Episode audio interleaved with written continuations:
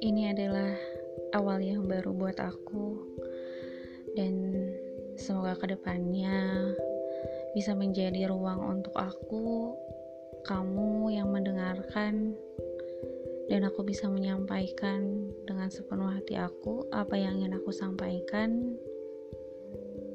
Mudah-mudahan ada hal baik yang bisa kamu dengarkan di dalam ruang-ruang podcast yang akan aku sampaikan nanti. Selamat mendengarkan.